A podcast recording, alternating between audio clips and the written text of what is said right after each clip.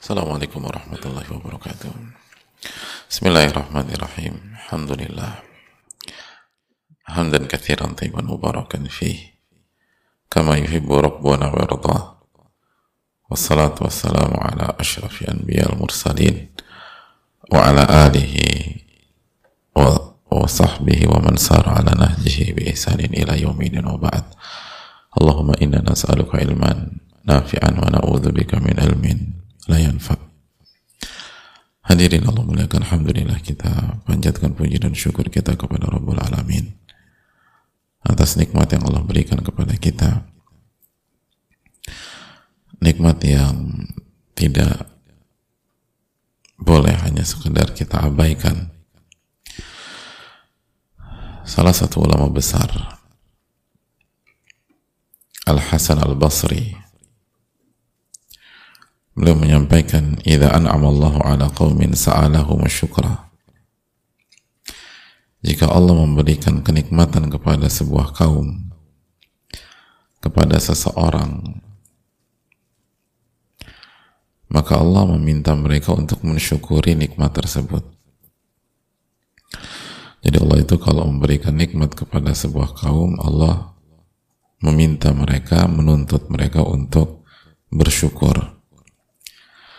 Allah kasih nikmat ke kita, Allah berarti minta kita bersyukur. Itu nggak boleh dilupakan. Dalam hidup itu kita harus tahu apa yang Allah minta. Apa yang Allah inginkan dari kita. Bukan apa yang kita inginkan.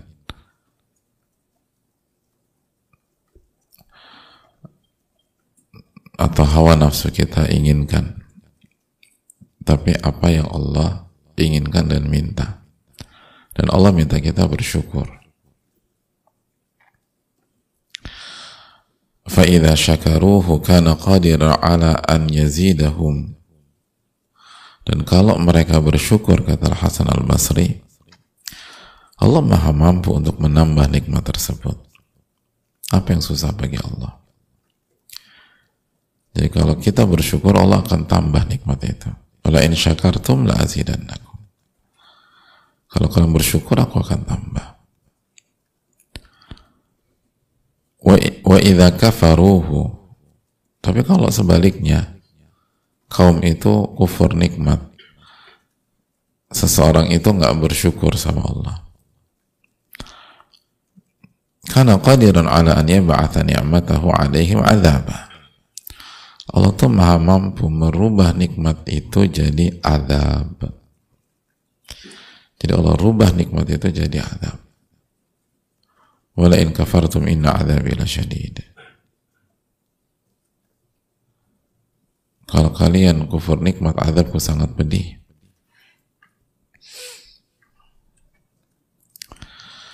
Jadi uh, hadirin Allah muliakan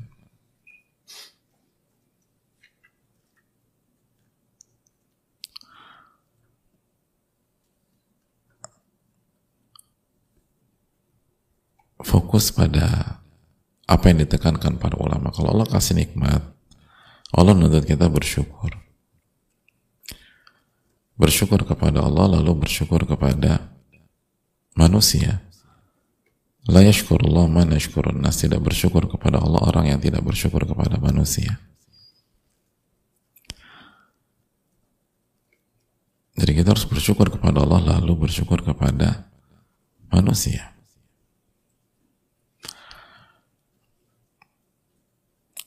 Kalau kita lakukan itu Allah akan tambah. Tapi kalau kita kufur nikmat, Allah rubah kenikmatan itu jadi azab.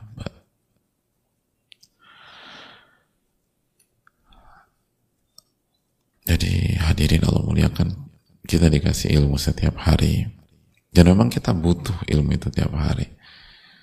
Jadi jangan kayaknya uh, karena biar PR gue nggak banyak gue sebulan sekali aja. Masalah itu setiap hari. Ujian itu setiap hari. Maka ilmunya pun kita butuh tiap hari. Asal proporsional. Maka hadirin Allah muliakan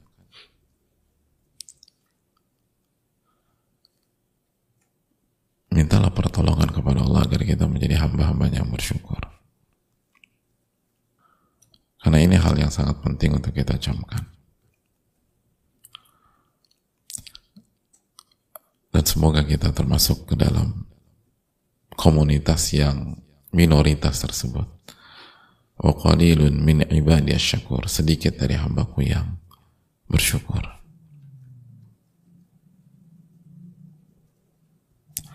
sedikit dari hambaku yang bersyukur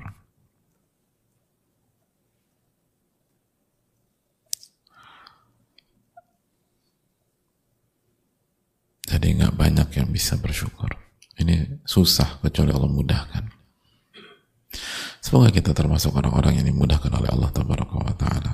Amin ya alamin. Dan semoga kita diberikan ilmu nafi' dan dilindungi dari ilmu yang tidak bermanfaat.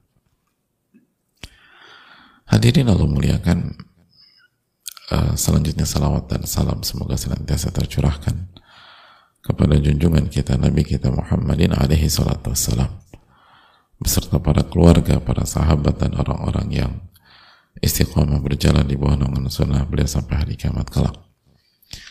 Hadirin kemarin kita sudah membahas bahwa apa pun yang kita infakkan, kita berikan, kita kasih dalam atau dalam bentuk nafkah atau dalam rangka nafkah, maka Allah akan ganti. Fahuwa yukhlifuh Allah akan ganti. Dan Allah akan ganti di dunia maupun di akhirat.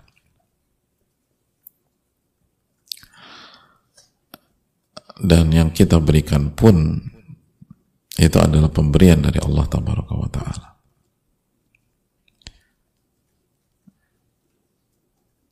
Dan itu yang Allah perintahkan kepada Nabi kita SAW untuk menjelaskan masalah ini kepada kita. Makanya Allah Subhanahu wa taala mengatakan kul dalam surat Saba ini. Katakanlah wahai Muhammad Inna Rabbi yabsutu rizqa liman yasha'u min ibadihi wa yaqdiru lahu Sesungguhnya Allah melampangkan rezeki bagi siapa pun yang Allah kehendaki dari hamba-hambanya. Dan Allah sempitkan bagi yang yang lain. Wa ma anfaqtum min syai'in fahuwa yukhlifu. Dan apa pun yang kalian nafkahkan itu, yang kalian berikan sebagai nafkah, yang kalian sedekahkan, maka Allah akan ganti. Wa huwa khairur raziqin dan Allah sebaik-baik yang memberikan rezeki. Lihat bagaimana ayat ini hadirin menjelaskan bahwa uh, iman itu sangat menentukan dermawan dan pelitnya seseorang. Iman itu sangat uh,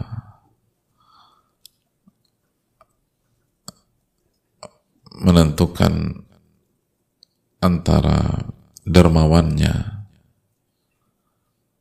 dan karimnya seseorang royal dalam proporsional atau kikirnya seseorang orang yang yakin bahwa ini semua pemberian dari Allah. Qul inna rabbi yabsur yabsutur rizqa liman yasha'u min ibadihi wa yaqdiru lahu wa ma anfaqtum min syai'in fahuwa yukhlifuh. Apa pun yang kalian kasih Allah ganti. Apa pun itu. Apa pun itu. Mungkinkah kita, kalau kita benar-benar yakin ya, masih berpikir untuk pelit? nanti gimana? Kalau aku kasih bulan depan makan apa? Kalau aku kasih nggak cukup gitu padahal itu kewajiban kita harus kasih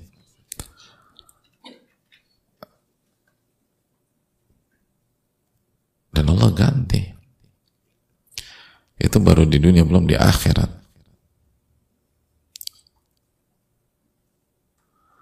Allah kasih pahala besar. Wa khairul raziqin. Dan Allah sebaik-baiknya yang memberikan rizki jadi gak bisa hidup itu dipisahkan dengan iman hadirin gak bisa hidup itu dipisahkan dengan tauhid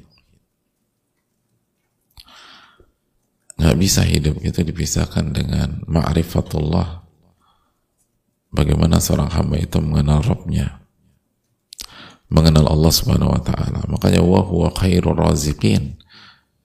Ayat ini ditutup dengan firman Allah wa huwa raziqin. Dan Allah sebaik-baik yang memberikan rezeki.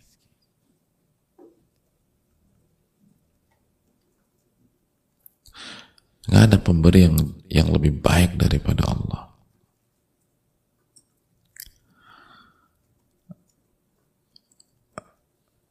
Jadi kalau kita benar-benar yakin ini maka hidup itu akan plong, hidup itu akan nyaman. Dan ketika rezeki kita itu lagi sedikit, lagi seret, kita tahu yang memberikan kita yang paling tahu yang terbaik buat kita. Itu sebaik-baik yang memberikan rezeki.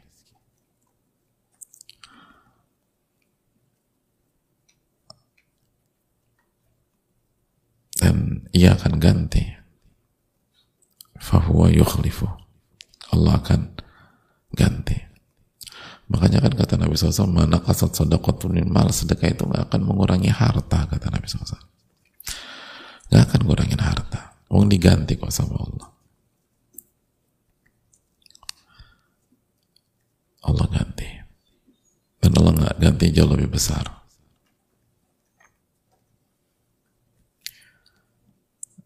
kan 700 kali lipat kalau lo ganti. Atau lebih. Sesuai dengan keikhlasan kita. Jadi ini yang harus selalu kita tanamkan ke dalam diri kita hadir. Kita buka sesi tanya jawab dalam masalah ini. Wassalamualaikum warahmatullahi wabarakatuh Assalamualaikum warahmatullahi wabarakatuh. Waalaikumsalam warahmatullahi wabarakatuh. Semoga Allah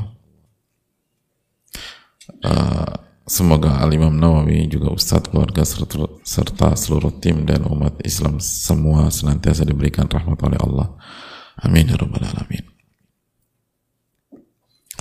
Mohon izin saya mau bertanya Ustaz, saya pernah mendengar bahwa Nabi Sallallahu Alaihi Wasallam adalah orang yang paling banyak bersedekah dan tidak pernah menyimpan harta, semua diinfakkan visabilillah. Bahkan suatu ketika Nabi tidak punya makanan sama sekali di rumahnya, hanya sebiji kurma.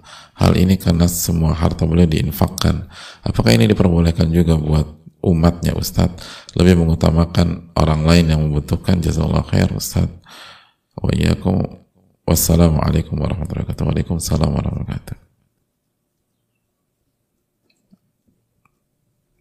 Uh, Allah berfirman Ya ayyuhalladzina amanu udkhul fi silmi kafa. Wahai orang-orang beriman masuklah ke dalam Islam secara utuh. Secara menyeluruh, secara totalitas. Dan salah satu makna yang dijelaskan para ulama dalam uh, atau dari ayat ini bahwa hendaknya kita dalam memahami sebuah masalah itu melihatnya secara komprehensif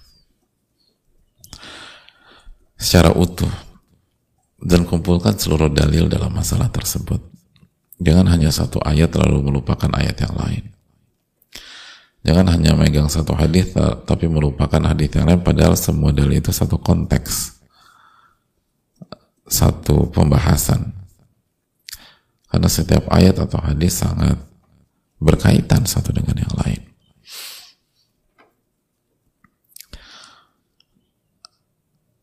Itulah salah satu makna dari surat Al-Baqarah 208 di atas.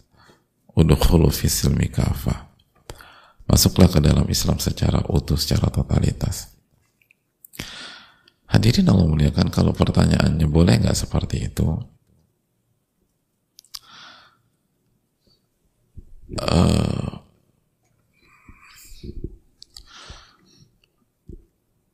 sebagian ulama pernah ditanya, boleh nggak kita menginfakkan seluruh harta kita sebagaimana Abu Bakar menginfakkan hartanya? Jawabannya boleh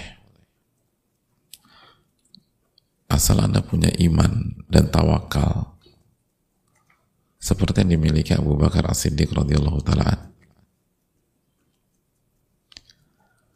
dan bukan hanya Anda saja yang punya iman seperti itu. Anda sudah kondisikan keluarga Anda. Karena kalau seseorang menginfakkan seluruh hartanya itu bukan hanya dia yang berdampak tapi keluarganya pun berdampak.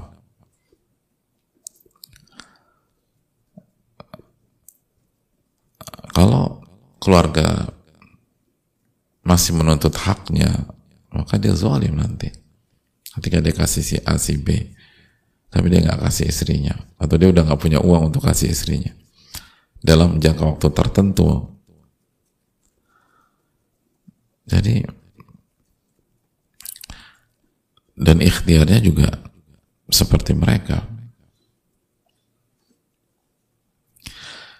Jadi kalau syarat-syarat itu dipenuhi, iman seseorang itu kuat, benar, memang kuat dan nggak mudah hadirin, nggak mudah. Dan hati-hati dalam masalah ini.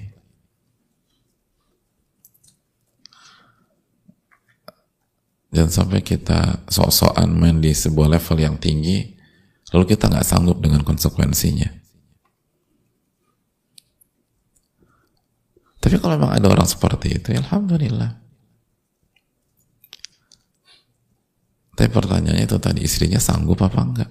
Ada banyak suami, suaminya aja yang tergerak, istrinya masih mikir sana, mikir sini.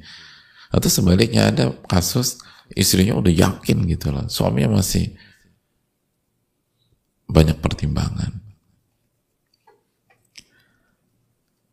Jadi kalau iman dan tawakalnya tinggi,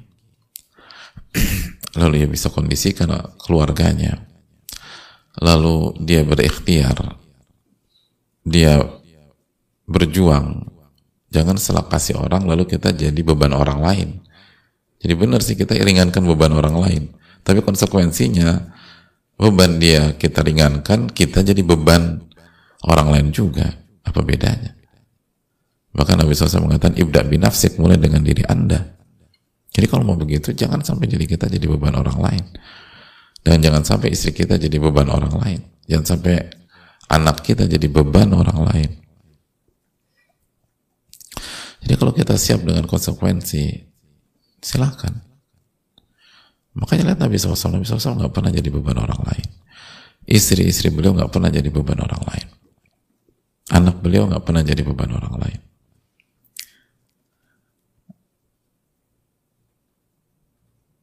Itu poin.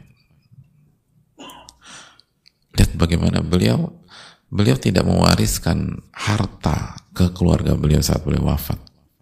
Beliau nggak mewariskan uang ke istri-istri beliau ketika beliau wafat. Dan kita tahu istri beliau lebih dari satu. Tapi pertanyaan apakah istri-istri beliau saat beliau wafat hidupnya terlunta-lunta? Enggak. Hidupnya seng, apa hidupnya menjadi beban enggak menggantungkan ke sana menggantungkan ke sini minta-minta enggak istri-istri beliau alaihi salatu wassalam setelah beliau wafat sallallahu wasallam hidup dengan izzah dengan kemuliaan padahal beliau enggak menafkahkan eh, beliau enggak mau beliau kan enggak mewariskan harta Masih ingat hadis wa innal wa innal anbiya lam yuwarithu dinaran wala dirham. Para nabi itu nggak mewariskan dinar dan dirham. Para nabi itu tidak mewariskan harta. Wa inna warathul ilma, tapi yang mereka wariskan adalah ilmu.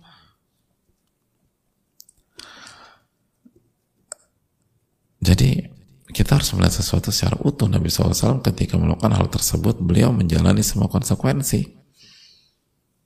Karena beliau adalah manusia terbaik. Dan hidupnya pun produktif. Jadi hidup beliau memang benar-benar untuk maslahat yang terbesar dan tertinggi bukan hanya untuk bukan hanya dari segi harta tapi dari sisi ilmu, dari sisi dakwah, dari sisi dari dari beliau beliau mengurus seluruh urusan umat hadirin. Coba tanya pada diri kita kalau kita lakukan itu, itu berikan. Nah, keesokan harinya atau besok-besoknya kita masih bisa ngurusin umat atau enggak. Atau akhirnya kita sibuk ngurusin diri kita sendiri karena kita udah gak punya duit lagi nih. Memang benar dari satu sisi apa masya Allah luar biasa. Tapi sisi lain akhirnya kita nggak produktif. Kita nggak produktif akhirnya kita nggak bisa ini nggak bisa itu nggak bisa karena harus mulai dari nol lagi Jadi hadirin Allah muliakan semua harus di, dilihat. Tadi dalam surat Al-Baqarah 28 Udukhulu fi silmi Masuklah ke dalam Islam secara utuh, secara keseluruhan. Begitu kita membahas sesuatu atau ingin melakukan langkah sesuatu, pikirkan hal tersebut secara 360 derajat gitu loh. Ketika oh oke okay, dapat baru bismillah jalankan. Kalau hanya modal semangat dari satu sisi, jangan. Karena itu nggak mudah.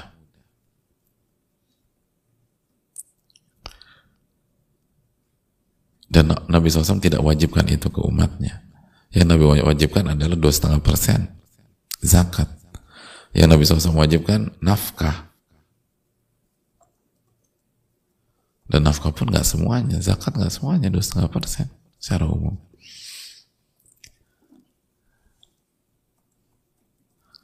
Jadi uh, hendaknya kita mempertimbangkan semua sisi Allah Ta'ala. Assalamualaikum warahmatullahi wabarakatuh. Waalaikumsalam warahmatullahi wabarakatuh. Bismillah semoga Allah senantiasa merahmati Imam Nawawi beserta orang-orang yang dicintai. Semoga Allah merahmati Ustadz, keluarga, tim kajian, seluruh kaum muslimin di mana pun berada. Amin ya rabbal alamin. Amin ya rabbal alamin wa iyyakum begitu juga dengan bertanya uh, mohon maaf Ustaz Alhamdulillah saya mendapatkan uang belanja dari suami 20% dari gaji suami uang itu saya pakai untuk belanja dapur dan keperluan saya pribadi dan jajan anak-anak tiap bulan saya berusaha menyisikan untuk tabungan saya yang saya pakai untuk keperluan orang tua dan keluarga saya jika mereka ada urgent seperti sakit dan lain-lain Suami saya tahu itu kalau ada sisa uang belanja. Saya sering berhemat agar sisa uang belanja bisa ditabung lebih banyak. Karena mengingat orang tua saya yang sudah mulai menua, orang tua saya itu sangat royal kepada saya, anak-anak, bahkan suami saya. Walaupun mereka tidak punya uang. Tapi sebaliknya suami saya perhitungan dengan orang tua saya. Orang tuanya royal, tapi tidak dengan suaminya. Saat ini saya sedang hamil dan menanti persalinan. Pertanyaan saya, apakah suami masih perlu memberikan nafkah tambahan untuk ibu yang menyusui atau tidak? Karena beliau tahu ada sisa uang belanja itu. Sebagaimana dijelaskan Al-Baqarah 233 itu Ustaz. Sementara saya berharap ada uang tambahan agar sisa uang belanja saya itu tidak berkurang. Meskipun saya harus mengkonsumsi yang lebih sehat bergizi lagi karena saya ingin menabung Ustaz saya malu untuk dikasih saya malu untuk kasih tahu hal ini kepada suami Karena saya jarang meminta jika tidak urgent dan mendesak. Jazakallah khair atas penjelasan saya. Semoga Allah memudahkan pertanyaan ini dijawab. Assalamualaikum warahmatullahi wabarakatuh. Waalaikumsalam warahmatullahi wabarakatuh. Uh, hadirin Allah muliakan. Uh, yang pertama, uh, apa yang diberikan atau nafkah yang diberikan suami kepada istri, maka itu menjadi harta istri. Itu menjadi harta istri dan istri punya hak untuk mengalokasikannya selama tidak maksiat.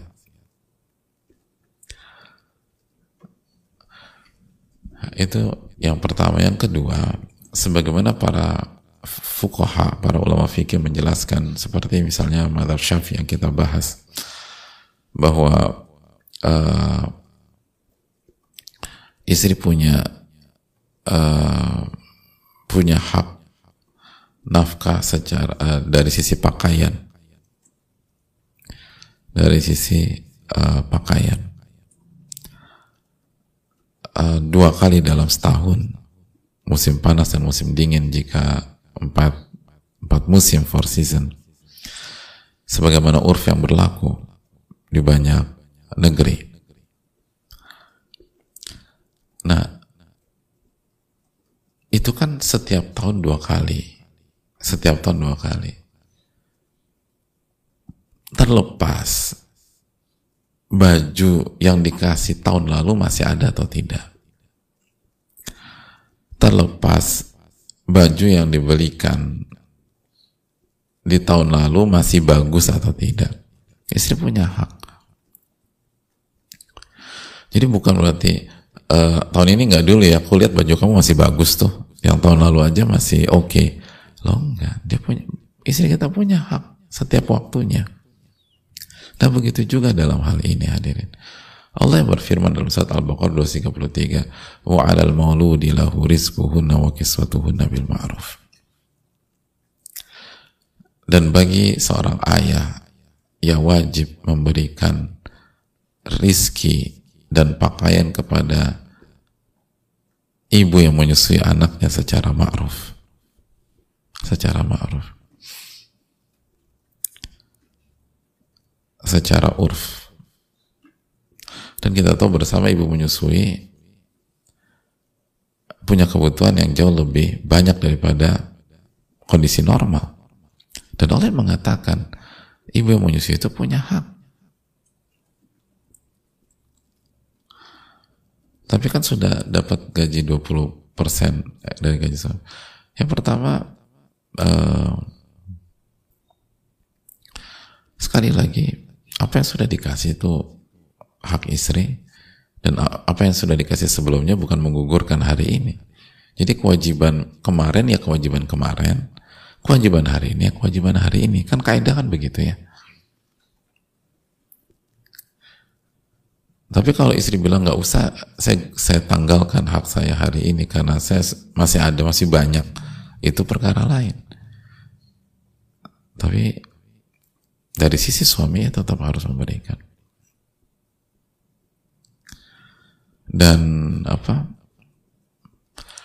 Dan eh, uh, 20% dari gaji kan uh, tergantung gajinya juga berapa. Kalau gajinya satu miliar per bulan ya nggak butuh lah 20 persen berapa? 200 juta. Masih butuh tambahan enggak?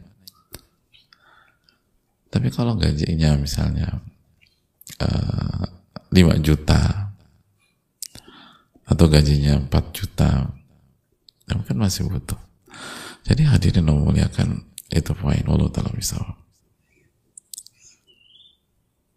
Dan nggak apa-apa sampaikan kepada suami.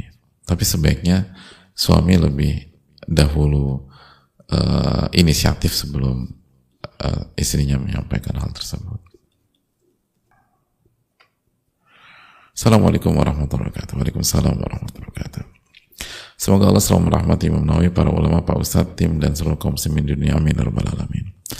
Saya ingin bertanya, jika jika ketika dilapangkan rizkinya, suami bisa memberikan nafkah sebesar A. Misalnya sebesar 20 juta. Kemudian ketika disempitkan, suami hanya bisa memberikan sepertiganya saja. Apakah suami ini hutang dua per tiga nafkah dari nilai awal ini kepada istrinya? Jazakallah khair. Assalamualaikum warahmatullahi wabarakatuh. Gimana nih hadirin? Antum sebagai suami gimana? Setuju nggak? Jawabannya kembali ke talak ayat 7 liun fikdu sa'atin min sa'ati. Hendak yang dikasih kelapangan memberikan nafkah sesuai dengan kelapangannya. Wa man qudira alaihi rizquhu falyunfik mimma atahullah. Adapun yang rezekinya disempitkan, kan ia memberikan sesuai dengan apa yang Allah berikan. Bukan bukan pakai standar orang kaya, tapi sesuai dengan uh, apa yang Allah berikan kepada dia. La yukalifullahu nafsan ma'ataha. Allah nggak membebankan seseorang kecuali apa yang Allah kasih. Jadi ketika kondisi suami itu sedang sedang tidak disempitkan oleh Allah, maka nafkah pun berubah, bukan hutang gitu loh. Bukan hutang. Nah kalau suami nggak menafkahi sama sekali, ya itu baru hutang. Padahal dia mampu. Terus suami masih bisa kasih satu juta gitu. Dalam kondisi sempit, mampunya hanya kasih istri satu juta, tapi dia nggak kasih satu juta. Gitu. Nah, satu juta itu hutang. Gitu. Jadi bukan kalau lapang uh, bisa kasih 10 juta. Kalau susah kasih satu juta. Berarti hutangnya 9 juta bukan begitu atau hutangnya 10 juta ketika ngasih apa-apa. Enggak sesuai dengan la yukalifullahu nafsan illa ma'ataha Allah tidak membebankan seseorang kecuali sesuai dengan yang Allah berikan. Allah Ta'ala bisa mungkin itu. Assalamualaikum warahmatullahi wabarakatuh. Waalaikumsalam warahmatullahi wabarakatuh. Semoga Allah memberikan rahmat yang luas Imam yang luas kepada Imam Nawawi, ulama-ulama kita beserta keluarganya. Semoga Allah selalu, selalu merahmati, menjaga dan memberikan kesehatan kepada Ustadz, keluarga, tim kajian, dan serta umat muslim di seluruh dunia. Amin. Ya Rabbal Alamin. Mohon maaf izin bertanya di luar tema Ustadz, jika konteksnya bukan suami yang memberikan nafkah, tetapi anak yang menanggung hampir semua kebutuhan orang tua, apakah bisa juga dapat keutamaan seperti hadis Abu Hurairah radhiyallahu taala kemarin Ustadz? Jazakallah atas jawabannya. Terima kasih atas pertanyaannya. Insya Allah, karena ini pahala birul walidain. Dan masuk ke dalam bab nafkah. Walaupun nanti kita akan jelaskan perincian. Bagaimana nafkah anak ke orang tua. Atau seseorang ke keluarga. ada pembahasannya secara khusus dan insya Allah nanti kita akan bahas. Jadi kalau anak yang menanggung kebutuhan orang tua itu pahala besar. Pahala birul walidain. Dan e, bersyukurlah kita ketika kita diberikan kemudahan oleh Allah menanggung kebutuhan orang tua kita. Dan jangan terbebani. Itu bukan beban, itu kunci rizki. Itu kunci rizki.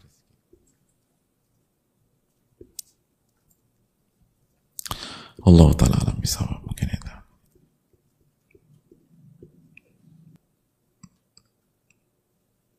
Assalamualaikum warahmatullahi wabarakatuh. Waalaikumsalam warahmatullahi wabarakatuh. Eh, semoga Allah senantiasa memberikan kasih sayangnya untuk Imam Nawawi, para ulama, ustadz dan seluruh keluarga dan kaum muslim, keluarga muslim. Amin ya rabbal alamin. Wa. Ustadz bagaimana dengan harta istri? Jika kita sudah menafkahi istri dengan nominal bulanan yang cukup, hanya saja terkadang kodarullah ada pengeluaran tambahan yang lebih sehingga nominal tidak cukup. Sedangkan suami memiliki kewajiban untuk orang tua, membayar hutang dan lain-lain. Si istri memiliki gaji bulanan dari hasil bekerja di rumah. Meskipun nominalnya tidak terlalu besar, terkadang saya berharap untuk sedikit dibantu istri dalam kondisi-kondisi anomali tersebut. Namun istri lebih memilih untuk membantu keluarganya sendiri, bapak atau ibunya. Sehingga suami kadang harus berhutang atau minimal menggunakan tabungan umroh yang diidam-idamkan. Jazakallah khairan. Uh, terima kasih atas pertanyaannya. Pertama, uh, inilah pentingnya narasi dalam uh, rumah tangga hadirin. Dan salah satu narasi dalam rumah tangga dijelaskan oleh para ulama adalah Surat Al-Maidah ayat 2, "Wa ta'awanu 'alal birri wa taqwa wa la ta'awanu 'alal itsmi wal udwan." Uh, saling bertolong, saling tolong menolonglah di atas kebaikan dan ketakwaan dan jangan tolong menolong di atas dosa dan permusuhan. Jadi hubungan suami dan istri itu itu hubungan tolong menolong di atas ketakwaan. Bukan menang-menangan tapi tolong menolong dan salah satu salah satu sifat yang dibutuhkan dalam dalam diri orang yang hobi menolong itu kepekaan. Baik di oleh itu baik sisi suami dan istri harus peka dalam masalah ini.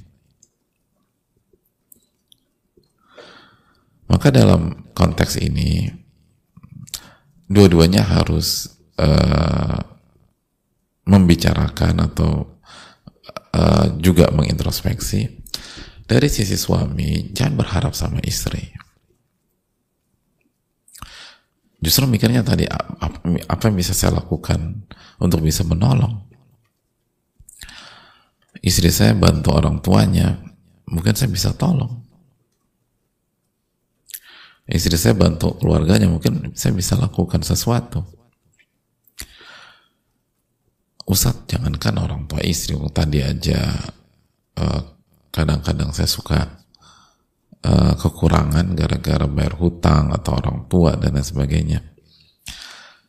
Uh, kekurangan karena bayar hutang atau orang tua itu kan bukan berarti satu-satunya opsi adalah berharap sama berharap dibantu istri. Bahkan itu opsi yang kurang direkomendasi. Bahkan jangan berharap sama istri untuk dibantu. Jangan berharap sama makhluk untuk dibantu. Jangan berharap si A bantu kita, si B bantu kita, si C bantu kita. Jangan. Berharaplah Allah yang bantu kita. Apa kata Nabi SAW? Ya gulam ini wa'alimuka kalimat. Kepada Ibnu Abbas, nak, aku akan ajarkan engkau beberapa prinsip, beberapa kaidah, beberapa kalimat. Apa kata Nabi SAW? Ihfadillah ihfadka. Jagalah hak Allah, insya Allah akan jaga anda. Ihfadillah tajidu tujahak. Jagalah hak Allah, insya Allah akan berada di hadapan anda. Atau engkau akan dapatkan Allah di hadapan anda. Ida sa'alta fas'alillah jika Anda minta-minta kepada Allah. Wa idza sta'anta fasta'in billah. Kalau Anda butuh pertolongan, minta pertolongan kepada Allah. Itu poin. Jangan berharap dibantu si A, dibantu si B, dibantu si C.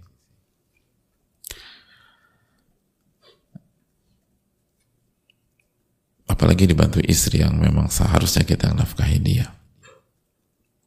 Jangan berharap sama Kalau perlu kita katakan, kamu fokus aja. Itu, uang itu kasih ke orang tua. Nah doakan saya agar saya diberkahi oleh Allah. Dari tadi saya juga pengen ikut bantu orang tua kamu. Semoga Allah mudah. Kalau kita benar-benar punya prinsip itu, intas tuh kilais tuh jika anda jujur kepada Allah akan wujudkan cita-cita anda kok. Tapi kalau mental kita udah berharap ditolong oleh orang ya.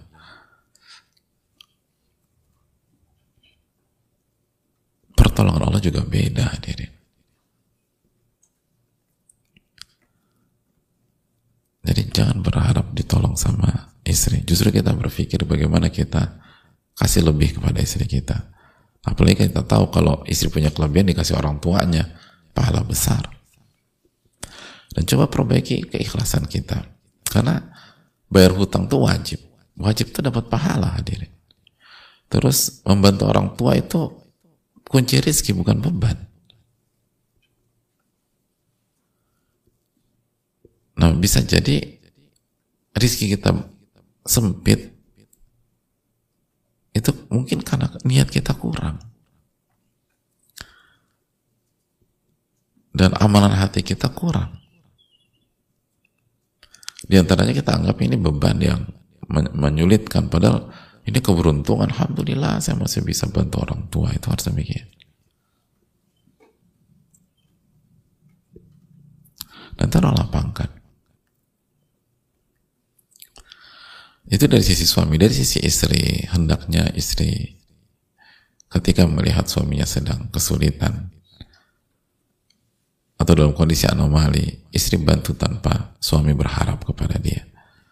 Istri bantu tanpa suami kasih uh, kasih sinyal kepada dia. Apalagi minta sama dia, bantu.